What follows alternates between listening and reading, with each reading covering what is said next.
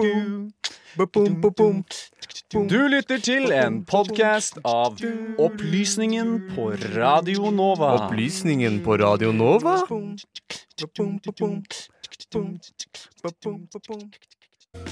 Ja, nå har jeg fått med meg Trym, og vi skal fremdeles snakke om helse av den globale sorten, men vi går over fra virus til bakterie, Trym.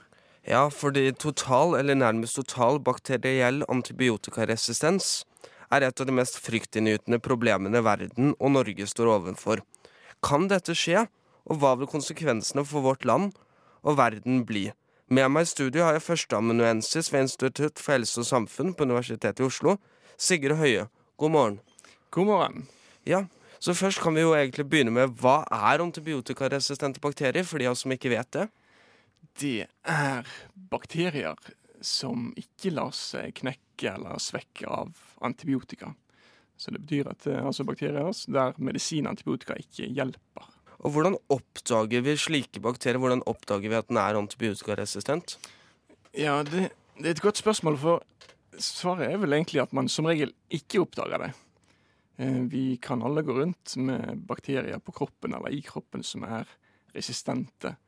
Og det spiller for så vidt ikke så stor rolle. Problemet oppstår hvis disse bakteriene fører til sykdom. Eh, og det er jo gjerne sånn at en bakterie befinner seg på et sted den ikke bør være. Da kan det gjerne oppstå en sykdom av det.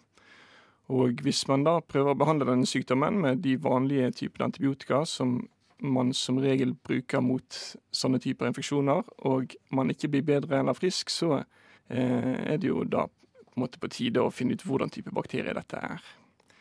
Så det er på en måte den vanlige måten å finne ut av det på, at, at man har en antibiotikaresistent bakterie. Det er at behandlingen ikke virker. Og Hvordan blir bakterier resistente? Hva er det som gjør at den ikke tåler antibiotika lenger?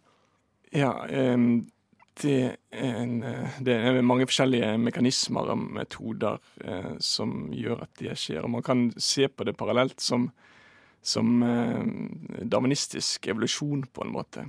At eh, bakteriene, sånn som alle andre arter, de tilpasser seg miljøet de befinner i. Og det kan skje via mutasjoner, endring i arvestoff. Så er det da noen eh, bakterier som trives godt, eller som overlever i et miljø der det er antibiotika. Så, så, det oppstår på den, på den, måten at man på en måte fremelsker noen typer egenskaper. Noen, noen bakterier vil alltid være resistente. Og eh, hovedproblemet er at man på en måte fremelsker de bakteriene som er resistente. Og hva er egentlig situasjonen for, det, med, for dette i Europa og Norge? Hvor, hvor, stort er problemet nå i Europa og Norge? Ja, det, det, det er for det første et litt forskjellig problem i ulike deler av Europa. Eh, vi kan jo si at det er et altså Det er ikke noen grunn til å ikke si at det er et stort problem. Det er et stort problem, og det er et økende problem. Eh, I Norge sier vi at det foreløpig er et begrenset problem, for det er ikke så mange dødsfall eller så mye ekstra sykelighet pga. resistens i Norge foreløpig. Men i andre europeiske land, og særlig i Sør- og Øst-Europa, så er dette et betydelig problem som man alltid må ha i tankene. Eh, og særlig på sykehus. da. Det er jo stort sett på sykehus og ved alvorlige infeksjoner at dette er et eh, problem. Infeksjonene blir vanskeligere å behandle, det tar lengre tid, og i verste fall så får man ikke til å behandle infeksjonen i det hele tatt. Ja, Hvordan er det da man kan behandle sånn infeksjon hvis du har fått en sykdom og det viser seg at bakteriene er resistente? Hva gjør man da? Ja, som regel så er jo eh, altså resistens viser jo til at én bestemt bakterie er bestemt for én type antibiotika eller en klasse antibiotika. Så ofte har man jo andre typer antibiotika man bytter til. Og det har vi jo stort sett, det får vi stort sett til i Norge. Eh, men i, eh, i noen land og noen bakterier er jo multiresistente. At de altså er resistente mot mange eller alle typer antibiotika. Og da står man uten noe særlig hjelpemidler. Men vi har jo også god støttende behandling. Eh, så det er klart at det man gjør, er å gi pleie og væske og omsorg og, og andre typer medisiner for å, for, å, eh, for å se an om kroppen selv klarer å bekjempe den infeksjonen. Men noen ganger går altså ikke det. Nei, Så hvis en bakterie er multiresistent og ikke tåler noen type antibiotika, finn, har vi noen andre medisiner som har lignende effekter som antibiotika? Nei, foreløpig har vi jo ikke det. Altså, det, det er antibiotika vi bruker for å, for å drepe og svekke bakterier. Men eh, som et eksempel så er det jo verdt å, å tenke at det, det, altså Før antibiotika kom, så var jo ikke alle alvorlige bakterielle infeksjoner nødvendigvis dødelige. Det gikk jo an å, gikk jo an å overleve, for å si det sånn, og det samme gjelder jo nå også. Eh, så støttende behandling jo, gir man jo selvfølgelig alltid i tillegg til antibiotika. Du nevnte jo det at problemet ikke er så stort her i Norge.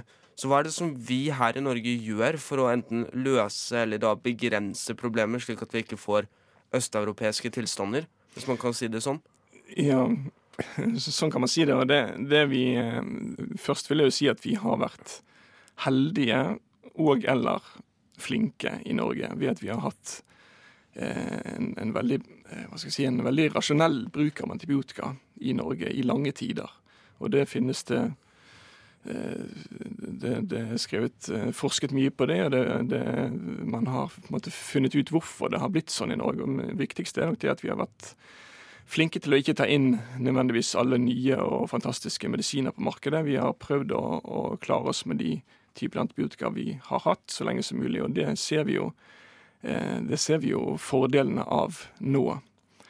Eh, men det vi gjør videre, det er jo å prøve å bruke antibiotika så fornuftig som mulig. Eh, og så er det jo en, en masse andre ting folk der ute kan gjøre for å unngå infeksjoner og for å unngå antibiotikaresistens. Så det, det vi gjør bl.a. Eh, på vårt senter, Antibiotikasenteret for primærmedisin, er at vi underviser og kurser både helsepersonell og befolkningen i hva man selv kan gjøre for å unngå unødvendig antibiotikabruk. For de av oss som ikke har hørt om dette antibiotikasenteret før, kan du fortelle bare litt mer om hva hva det er? For jeg tror ganske mange der ute ikke vet, vet hva dere driver med. Ja, det er et, det man kaller et nasjonalt kompetansesenter som har eh, som formål å drive kvalitetsforbedring, eh, utarbeide retningslinjer, eh, kurse helsepersonell og befolkningen. Men det er jo i hovedsak helsepersonell innen primærhelsetjenesten som er vårt fokus. Og så finnes det tilsvarende senter som, som har et fokus på sykehus. Så det vi bruker veldig mye tid på, det er å det er å måte ja, drive kvalitetsarbeid, særlig blant fastleger, legevaktsleger, sykehjemsleger og annet eh, helsepersonell i primærhelsetjenesten. Hva er det de i primærhelsetjenesten, hva kan de gjøre? Hva slags tips er det dere gir til de for å eh, jobbe med det problemet? Ja, altså, um, Mesteparten av antibiotika i Norge det skrives ut i primærhelsetjenesten, altså fastlege eller legevakt. Og det er ikke fordi at de legene er mer slepphendte, men det er fordi at det er der de aller fleste infeksjoner oppstår og diagnostiseres og behandles. Og det vi gjør der ute, er egentlig ho Hovedsaken er at vi tilbyr rapporter der enkeltlegene får se hva de selv forskriver. Det er på en måte nøkkelen i alt kvalitetsarbeid. At man ser hva man selv gjør, og så kan man sammenligne med andre, og så kan man prøve å forbedre seg. Så vi har et 15 eh, timers kurs som vi tilbyr gratis til alle fastleger, bl.a.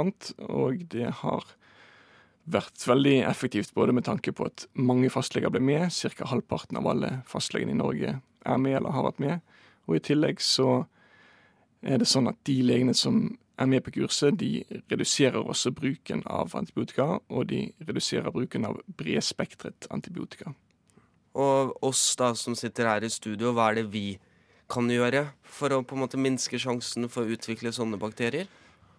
Ja, det, eh, der har vi laget noen eh, tips som vi har på våre nettsider rundt omkring. Eh, og da er det fem korte råd. Det handler i hovedsak om å unngå å bruke antibiotika unødvendig.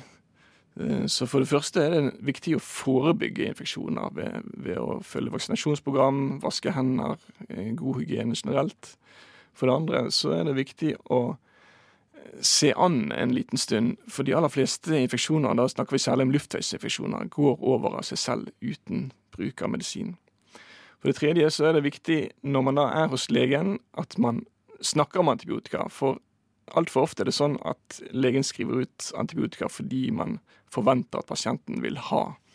Ikke for å være, nødvendigvis være veldig sånn etterkommende, men fordi at, eh, at man kanskje heller vil øh, At man gjerne vil unngå en, en, en, debatt og, og øh, ja, altså spare på en måte lege-pasient-forholdet for, for den diskusjonen.